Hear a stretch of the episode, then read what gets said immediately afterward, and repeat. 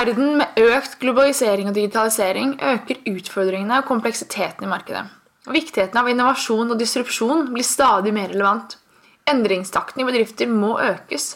Men hvordan kan du lage de gode kundeopplevelsene, skape innovasjon og engasjerte ansatte, samtidig som man endrer seg? Hele 75 av nordmenn føler jo lite eller inget engasjement i jobben sin. I en undersøkelse fra Deloitte i 2017 så sier hele 94% at smidighet og samarbeid er kritiske faktorer for at deres organisasjon skal få suksess. Men kun 6 mener selv at de er smidige. Hva innebærer det egentlig å være en smidig organisasjon? Kan alle organisasjoner bli smidige? Dette og mer ønsker vi å diskutere gjennom Smidigpodden. Vi håper å finne noen av svarene. Jeg heter Ida. Og jeg heter Tobias. Velkommen til Smidigpodden.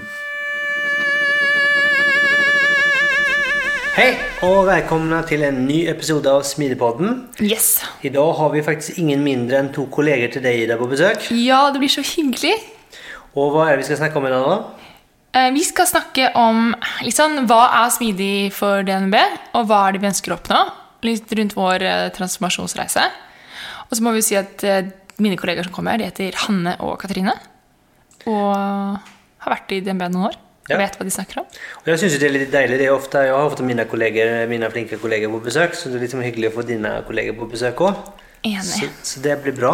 Og jeg tenker vel at eh, som vanlig, eh, hvis dere har noe innspill eller feedback, så send det gjerne til oss. Eh, vi setter pris på all, all type av kommunikasjon dere gjør. Og eh, ikke, om ikke minst kan dere gjerne gjøre noen stjerner, noen likes i den appen dere bruker. Eh, og eh, hvis dere syns at dette var en god episode, eller syns noen andre episoder er bra, så er det veldig hyggelig hvis dere har lyst til å dele det med kollegene deres. Eller andre. Det kanskje er moren din som kanskje trenger en episode om DNB smidig. Kanskje. Kanskje. Hvem vet? Det skal ikke vi dømme noen for. Men all type deling setter vi pris på, så deler vi. Og da tenker jeg at vi slipper inn våre gjester som står og venter i gangen. Ikke sant, Ida? Så her kommer de. Vær så god.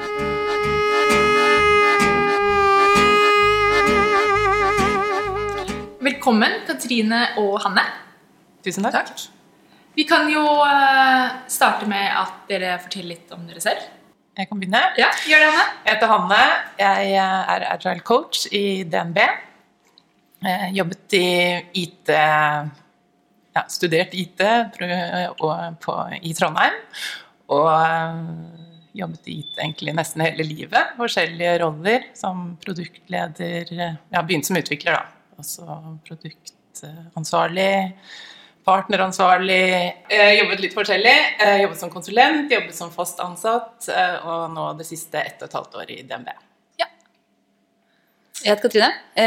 Litt samme bakgrunn som Hanne, egentlig. Også sivilingeniør.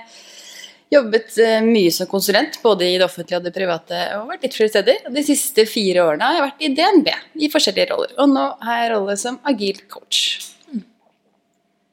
Hvor lenge har dere vært det i du, du har- har med andre ting i DNB før det? Ja. eh, Jeg satt, eh, jobbet eh, i, med test før det i DNB, så det var der jeg ble ansatt. Og så opprettet DNB et eget team med agile coacher. Så um, det gjorde vi i mars for to år siden. Så da var jeg den første interne som søkte på den, fikk den rollen. Og så var jeg med å bygge opp det teamet vi har i dag med agile coacher. Og du Hanne, har du gjort andre ting i DNB òg? Rett inn Nei, til- rett inn som agil coach. Mm. Jobbet som uh, agil coach også i Telia før det. Jeg tenkte Denne episoden skal handle litt om liksom, DNB sin transformasjon.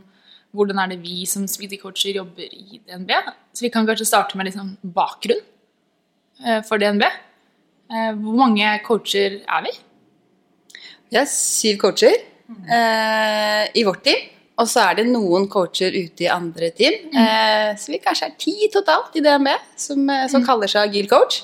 Ja. Eh, men vi har jo mange evangelister der ute også rundt oss som, som jobber kanskje med andre ting, som teamleader eller scrummastere eh, og litt sånne ting forskjellig. Mm. Og hvor mange ansatte har vi? Sånn cirka? I hele DNB. Ja, Er det ikke nesten 10 000? ja ansatt nå? Så vi sier at vi er ganske få coacher, da. Ja. Og Scrum Masters sprer litt utover, da. Sammenlignet med f.eks. andre organisasjoner som har nesten Mm. Det er vi. Ja, Så vi må velge våre fokusområder. Kan ikke bare være overalt. Ja. Det er jo en av utfordringene. Og så er det jo um, Vi er jo plassert sentralt. Vi begynte jo i IT. Når vi bygde teamet, begynte å bygge teamet, eh, så begynte vi i i IT eh, og bygget teamet der. Og så flyttet vi ut av IT-delen eh, før jul. eh, Og nå sitter vi i eh, konsernstrategi sammen, med- sammen med resten av egentlig eh, disse jobbestrategien til, eh, til resten av DNB. Men det henger kanskje litt sammen også med for si, visjonen, målbildet har vel kanskje endret seg underveis òg, at det, det begynte med IT, som det ofte gjør.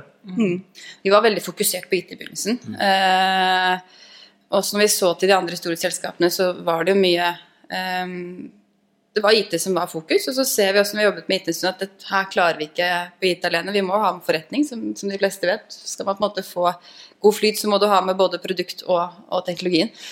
Eh, og for å få det mandatet, så måtte vi ut av IT.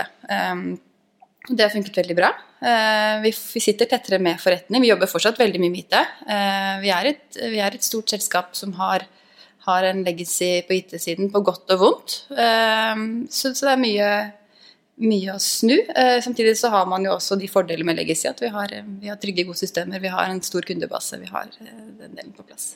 Ja, For IT har man drevet med DNB i, i mange år. Ja. Så der, ja, jeg kan tenke meg at det er litt annerledes. Eh, som der jeg jobber, så er jeg jo heldig å ikke ha så altså Nå har vi jo klart vært i gang en stund, men sammenlignet med DNB så er det jo liksom ikke så Så vår stack er jo ganske moderne, og det er klart det hjelper jo å kunne gjøre ting kanskje litt på en mer moderne måte òg. Ja, det hjelper jo. Og vi har jo flyttet en del av det IT IT-systemene våre ut sånn i skiløsninger, og vi beveger oss i den retningen. Og vi har ikke hatt noen sånn stor endring. Men det er noe vi ser på. Mm. Og skal gjøre noe med. Og, og jobbe, gjøre gjør noe med hele tiden, egentlig. Ja, for det er litt sånn i kontrast til Nordea, eksempel, som kastet over det 20 milliarder De kastet sykt mye penger i hvert fall på problemet. Eh, Vi har valgt litt annerledes. Så det, og det er veldig bra. Eh, eh, men det krever også kanskje litt mer i forhold til eh, når vi skal samarbeide. Det er jo eh, DNB er jo ikke bare ett lite firma som har vokst, det er jo sammensatt av utrolig mange firmaer. Altså når man fusjonerer sammen, så er det ikke alltid man tenker på IT-systemene i bunn eh, og gjør det på en ordentlig måte. Man tenker kanskje mest på menneskene, hvordan de skal jobbe sammen. Eh, så, så, det, så det bærer jo også litt sånn preg av den delen. at det er ikke og det er ikke så lett å dele systemer ut på produkter som man kanskje skulle ønske. Så det er ikke så lett å ta dette er vår mobilbank, nå skal den levere ett hele veien helt, ned til, helt inn til kjernen vår. Um, så det er utfordrende. Um, så vi, disse um, autonome teamene um, får vi nok ikke med en gang. Men det leder oss litt over til liksom, hva er det smidig betyr for DNB? Og Ja. hva er det liksom, litt den viktigheten av å finne vår egen måte å gjøre det på, da, nettopp fordi vi har litt annerledes rigg enn kanskje veldig mange andre selskaper har. Da. Ja. Det er jo litt viktig for oss å finne vår vei, og ikke kopiere det noen andre har gjort, men la oss inspirere av det andre har gjort. Da. Og, eh, vi har jo f.eks. Uh, laget vår egen eh, Agile Diamond, eller smidig diamant på norsk, eh, som er basert på, på DNBs verdier. Nysgjerrig, modig, ansvarlig. Og på en måte oversatt det til, eh, til smidig Hva betyr det i, i smidig kontekst, da? Men akkurat det synes jeg, jeg synes det er veldig interessant at verdiene til DNB, nysgjerrig øh. Nysgjerrig, modig, ansvarlig. Det er jo egentlig veldig smidige prinsipper. Ja, det er nettopp det. Som, egentlig, som jeg syns er veldig interessant. da. At man har valgt de prinsippene uten egentlig å liksom kalle det smidig. Og det er det man vil. Og det er jo nettopp det vi ser i DNB òg. Det er jo veldig mange som vil samme, sant? følge de smidige prinsippene og vil gjøre, det, gjøre ting annerledes og bra. Og ikke ha så mange handovers og jobbe bedre sammen. Få en bedre kultur. Ja, gi slipp-ledelse f.eks. som et prinsipp som er kjempeviktig tenker jeg, i smidig kontekst. Sånn servant leadership, da, som det er basert på. Eh, Så det er jo veldig mange som vil det samme, og så kaller kanskje ikke alle det smidig, men, eh, men det er mange som vil. Og så er det selvfølgelig mange som ikke helt har skjønt det også. Så vi må jobbe med det. Ja. Men vi er jo ganske bevisste som team å ikke eh, bruke for mye buzzword. For det handler jo egentlig bare om det å søke på å bli litt bedre hver dag. Eh, så vi har mye fokus på retrospektiv, er noe vi har veldig mye fokus på eh, å få inn i mange team. For det er jo kanskje den letteste veien til å bli litt bedre eh, hver eneste dag. Um, så vi snakker ikke så mye om eh, metoder eller eh, Ja. Det er mer hvordan oppfører man seg. Mm, Men for de som lytter, hva er et retrospektiv? Retrospektiv er, eh, det er jo et slags rituale som man kan ha så ofte man vil. Ofte kanskje annenhver uke eller eh, en gang i måneden. Hvor man- Tilbakeblikk. Tilbakeblikk, ja, som det heter. Eh, takk.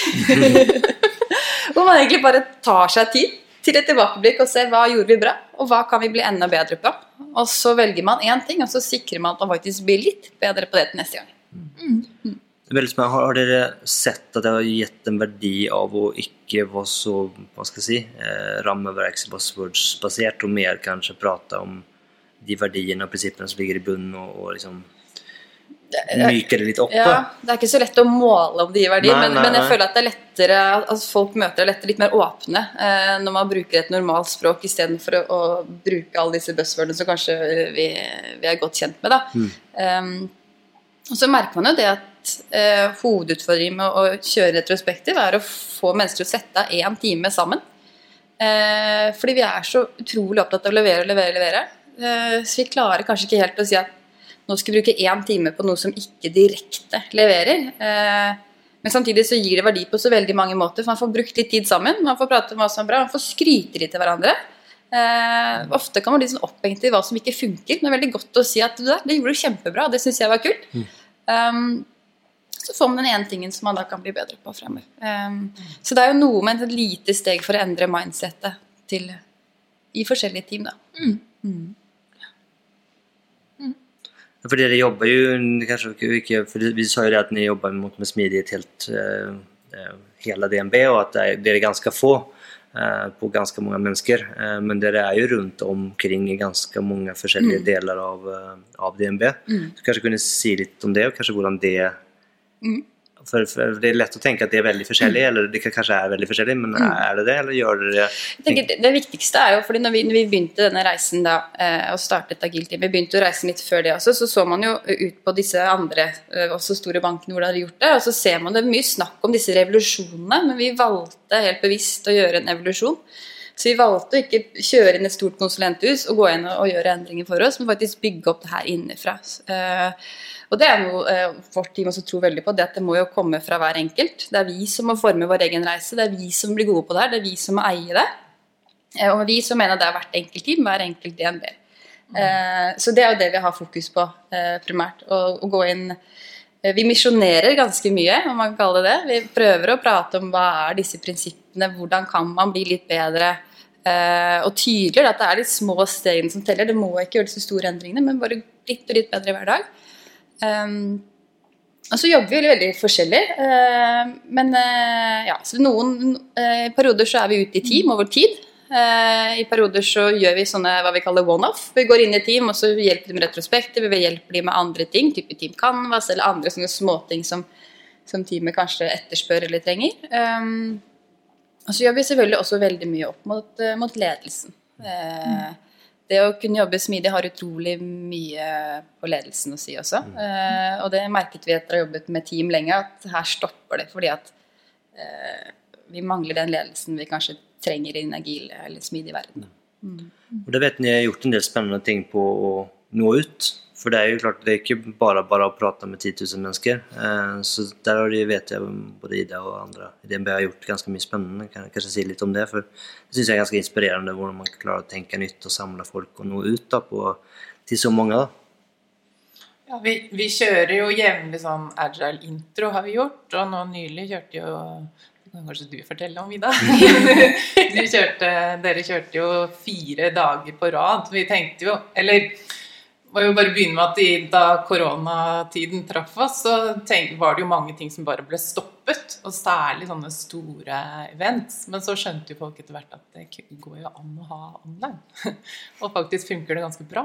Så det fikk jo dere til. Hadde fire dager eh, på rad Ja. med Digitale- tema hver dag. Ja, det var veldig gøy, faktisk. Vi hadde, um, da hadde vi kurs det var rettet mot uh, det som kalles for YPN da, i DNB, som er Young People Network, som egentlig er nettverk for de er det under 35, under 30? ja, sånt noe. Ja. I, nei, det er 35, for jeg er med. Ja. Det det. BSU-graden sikkert. Hva sa du? Det følger sikkert BSU-graden. Og hvis du er under BSU-graden.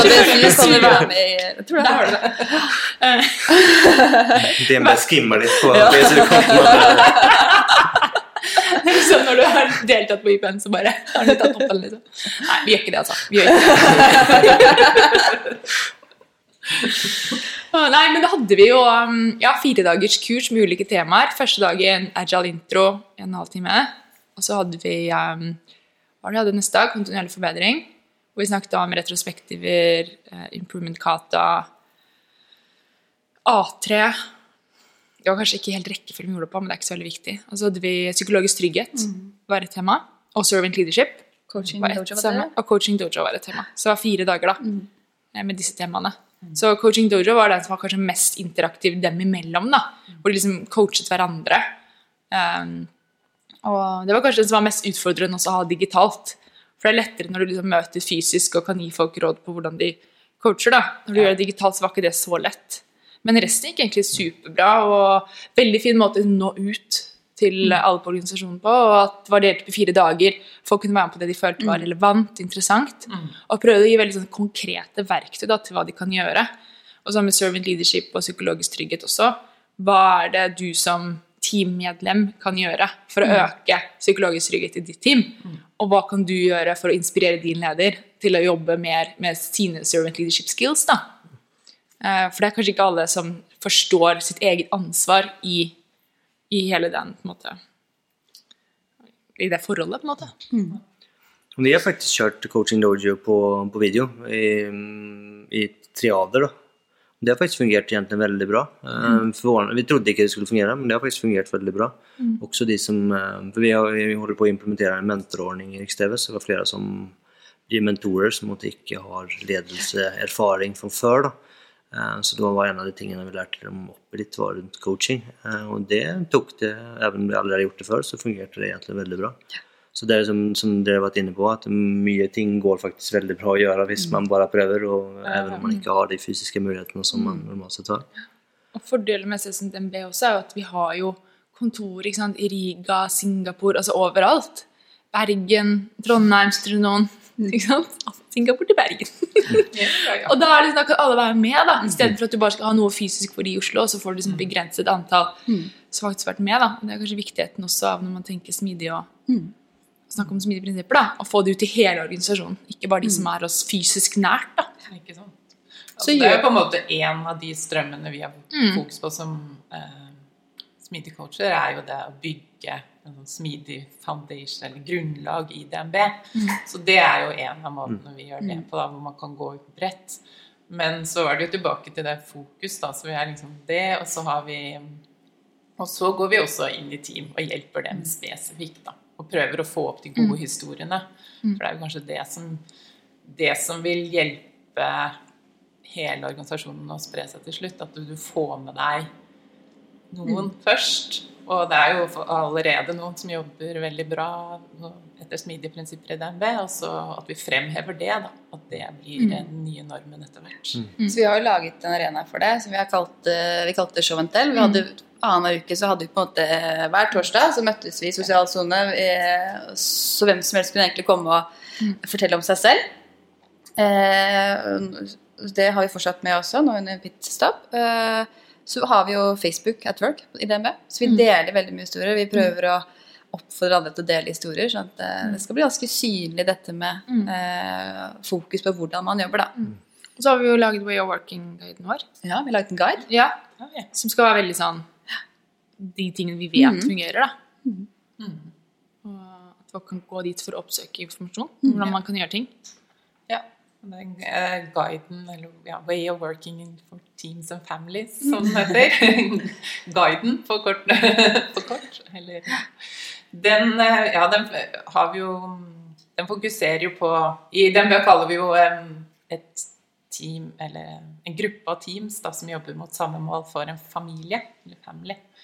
Eh, det er kanskje litt som tribe eh, andre steder, og vi har forskjellige ord i DNB òg. Men uansett eh, Det er jo ikke bare de den guiden er for. Den kan virke også for alle mulige grupper som jobber sammen. Da. Så der har vi f.eks. beskrevet retrospektiv eller Team Canvas eller de temaene som du nevnte dere hadde hatt for, i den YPN-samlingen deres. Så det er veldig bra. Vi bruker den også som coacher, at vi kan slå opp og se ok, eh, er det, hvordan er det vi skal gjøre det igjen? Eller eh, legge til når vi kommer på noe nytt. Så dette funket kjempebra. Så kan vi legge inn våre ideer der. Så det skal være et verktøy både for oss og for andre som er interessert. Så Family er jo eh, DNB Family, det vi i DNB har som, måte, som initiativ som vi jobber under, paraplyen vi jobber under. Det er der vi går inn til, til toppsjefene under DNB Family-navnet. Eh, og Da jobber vi også sammen med eh, kollegaer fra Lien, vi jobber sammen med endringsledere og litt sånn forskjellig. Så vi har samlet eh, mye bra mennesker der som, som på en måte da jobber mot eh, dette samme agile prinsippet, da. For å rulle ut det DNB. Jeg får litt sånn mafia-feeling når jeg har en fa familia... Ja, familie. Kanskje det vi skulle kalt oss La Familia istedenfor. Ja. Ja. Kanskje det vi skal gå for, mafia. Ja. Vi var, han finner rollenavn også, da. Og når man har liksom Ja. etablerer familier. Er som er morsomt? du har mm. Ja, ja. Det er det vi vi har egentlig ikke dratt den Nei, vi mafiahistorien så langt i den B, da, men vi er mer sånn på bestefar og tanter og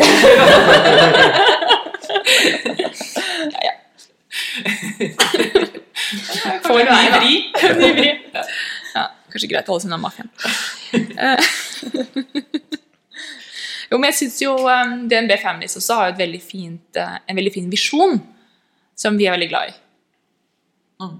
Happy people working better together on things that matter. Ja. Det er liksom essensen av hva vi prøver å oppnå da, som coacher og DNB Families. måte. Ja. Jeg syns det er veldig oppsummerende for både smidig, hvordan vi tenker smidig i DNB. Og,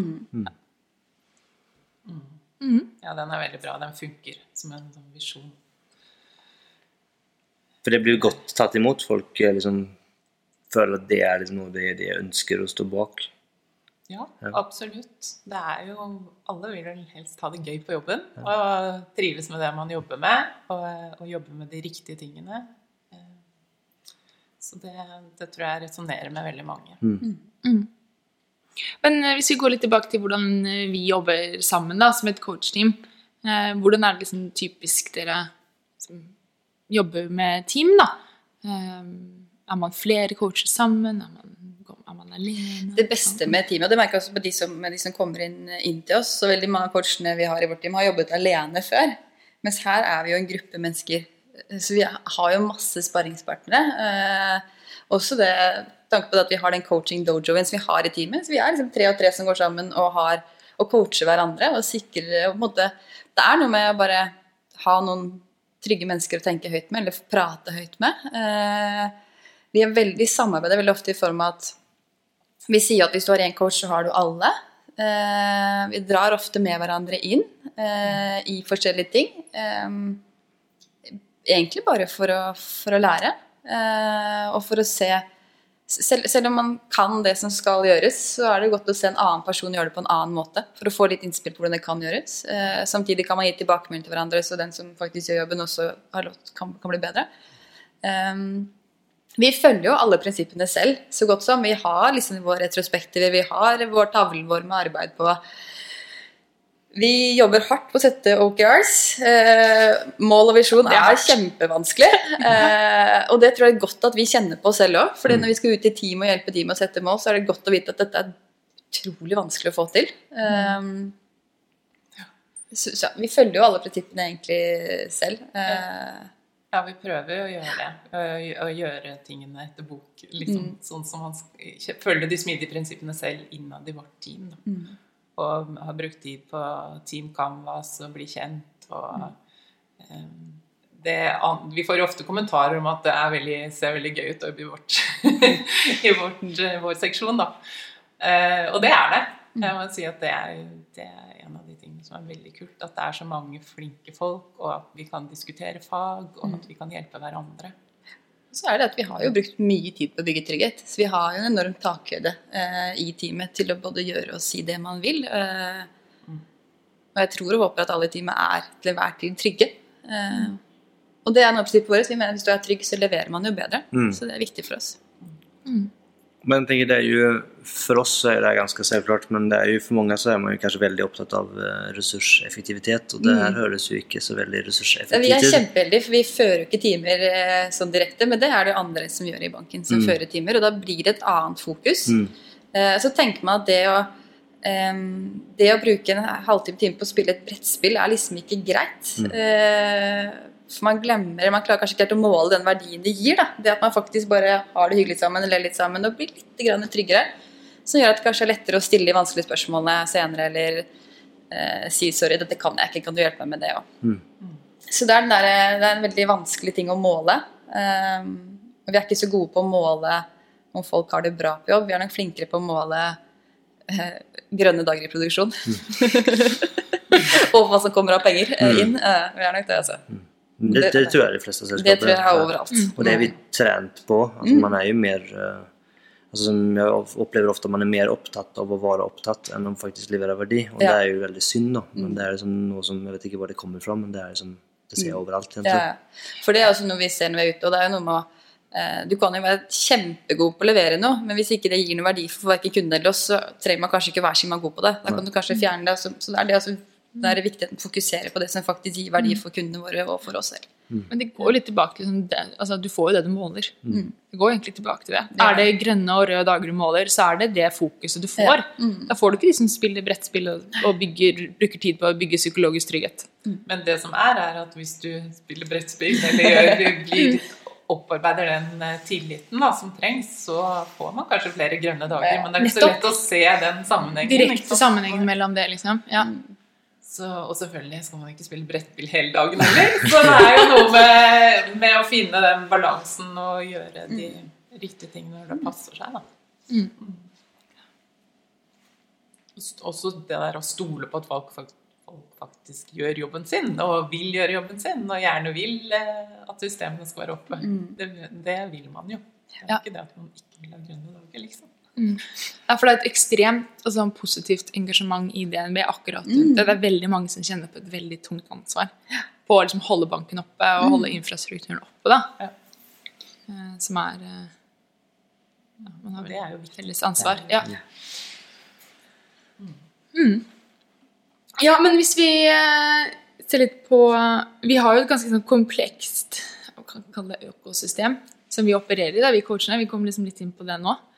Eh, hva tenker dere der liksom rundt enablers og blockers? Vi er jo ikke det eneste selskapet i verden som har det. Jeg tenker liksom på, Vi har jo f.eks. kartlagt systemiske utfordringer, som vi har i DNB. Ja. Liksom vi mener at vi har i DNB. Kanskje det er riktig. Det er jo en del av den, det kontinuerlige forbedringsarbeidet, på en måte den måten vi jobber på. da. At vi vet ok, vi skal bevege oss mot uh, målet vårt. Er happy people working together on things that matter. Uh, men hvordan kommer man dit? Det er jo ikke noen sånn rett fram eh, plan fra A til Å.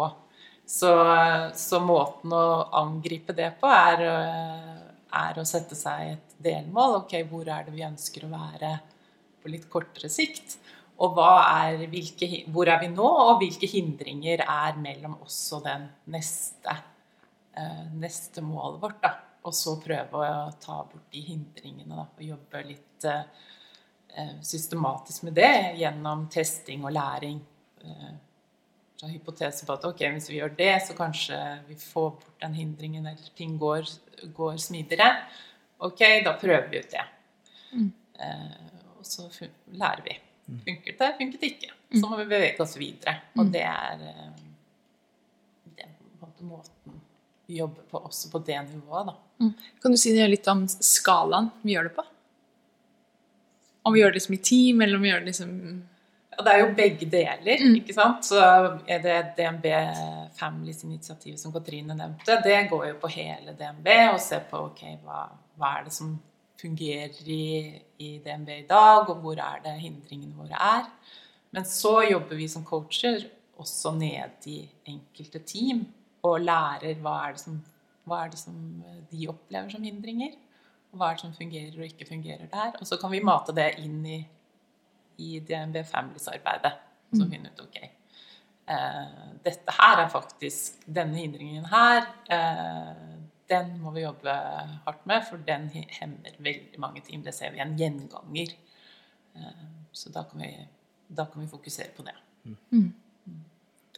Så, men eh, det er jo ikke noe sånn rett vei liksom, mot målet. Så vi må prøve og feile, vi også. Finne ut hva som funker, og hva som ikke funker. Mm. Det er spennende og av og til litt frustrerende. fordi det, fordi det opp, Vi er jo utålmodige, mange av oss, og vil gjerne at det bare skulle, vi skulle endre ting sånn mm. over natten. Men, mm. men vi må nok eh, innstille oss på at det er en evolusjon, som vi var inne på. At dette kommer til å ta tid. Mm. Det jeg sitter og tenker på, at kanskje lytterne lurer på, er liksom at dere har jo litt forskjellig bakgrunn. Dere jobber ganske mye på tvers av organisasjonen.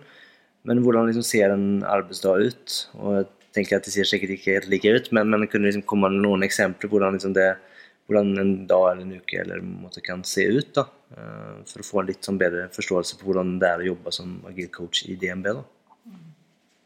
Ja, Det er veldig forskjellig. Ja, det er kjempeforskjellig. Men det kan jo være alt fra de fleste av oss har et, har et team de følger.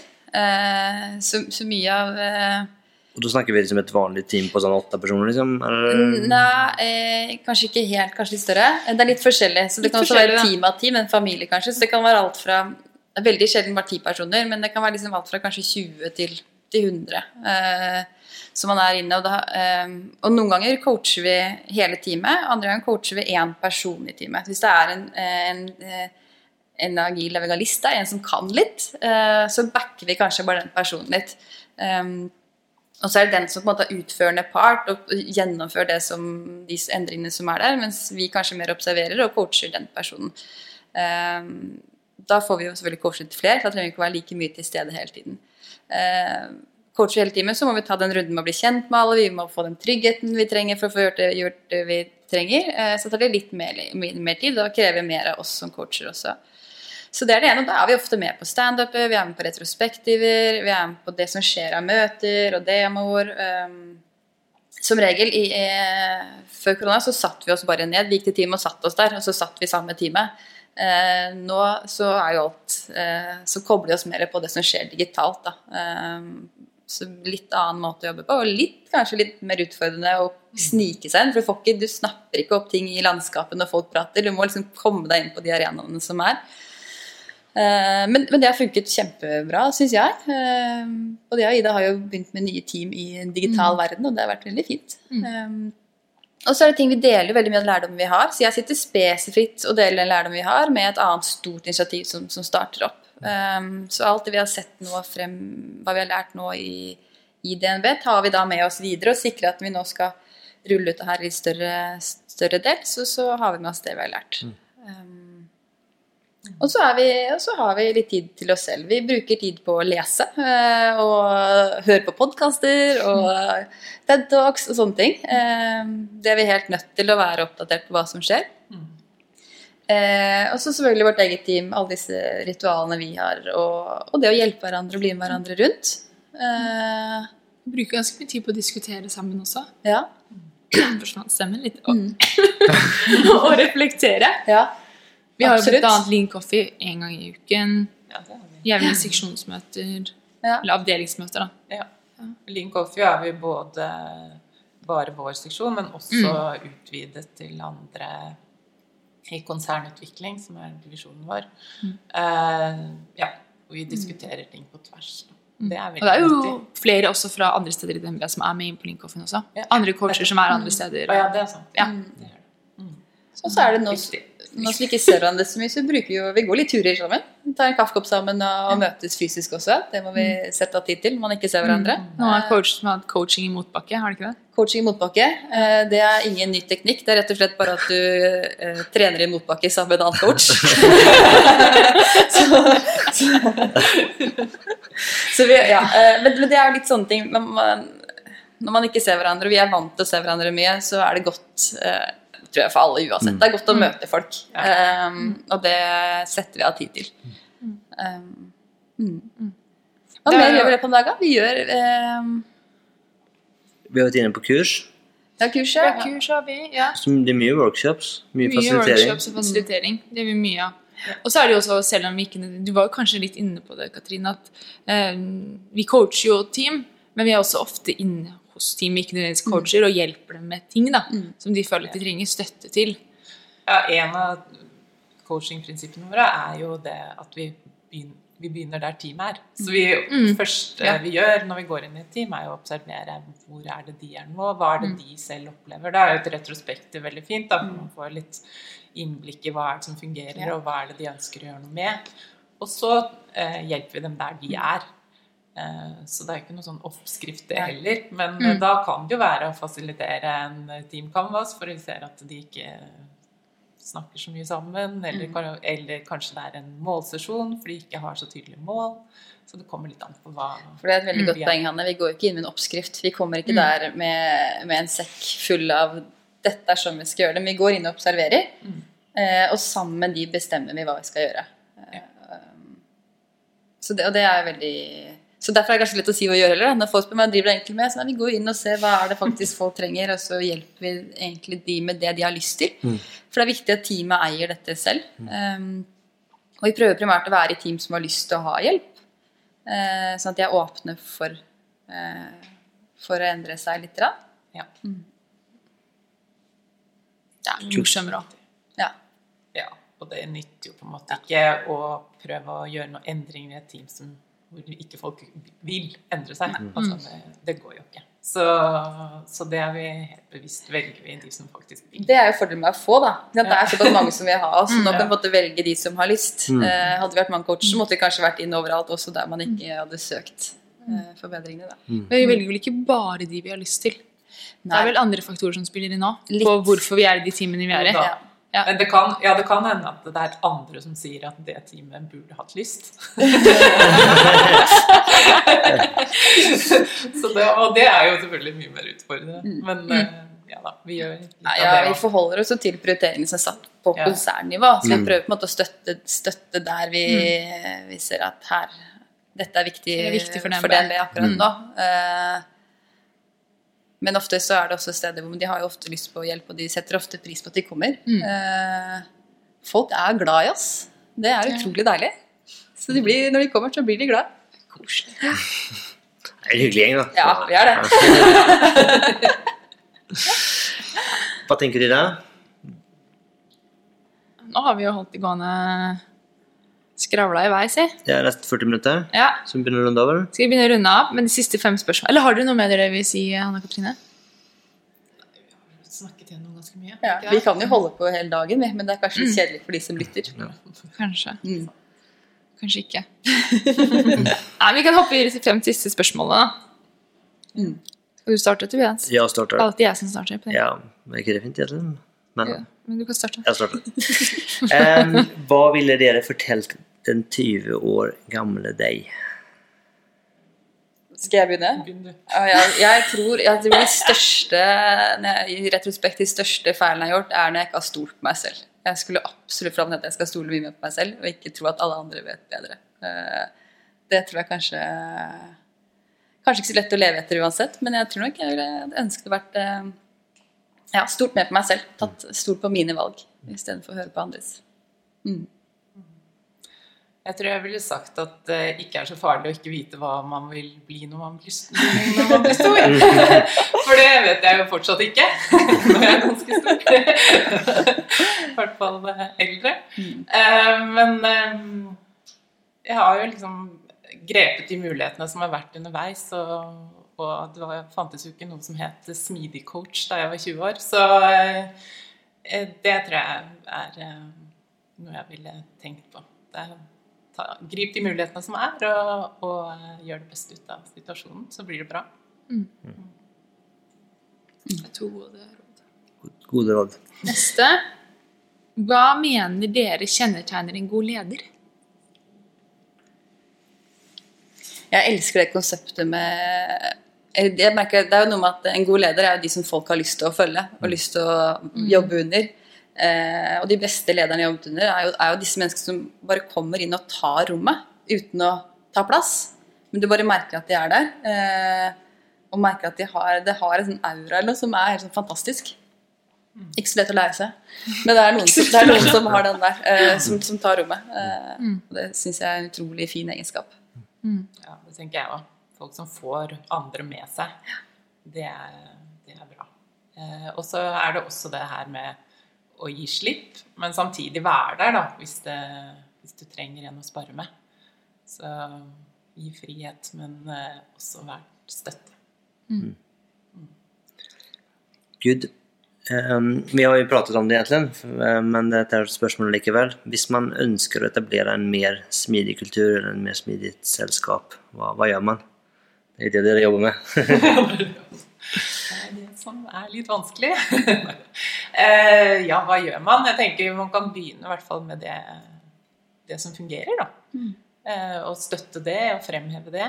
Eh, og så ja, var det jo litt det vi snakket om i stad, det med å observere hindringer og, og finne ut hva det er som stopper en fra, fra å nå de målene man gjør. Kanskje fortere og eh, mer kontinuerlig, da, levere verdi kontinuerlig. Hva er det som hindrer en mot det? Eh, I den retningen, og så angripe det. Det er veldig riktig. Det er, det er tilbake til den der revolusjon, evolusjon. Eh, de fleste selskaper gjør jo kjempemasse bra, så hvorfor skal man gjøre en stor revolusjon og snu på alt? Men ta vare på det som er bra, og så fokusere på det som ikke funker, og få det bedre. tror jeg er kjempegodt tips. Bra tips. All right. Um, har du noen bøker du ønsker å anbefale?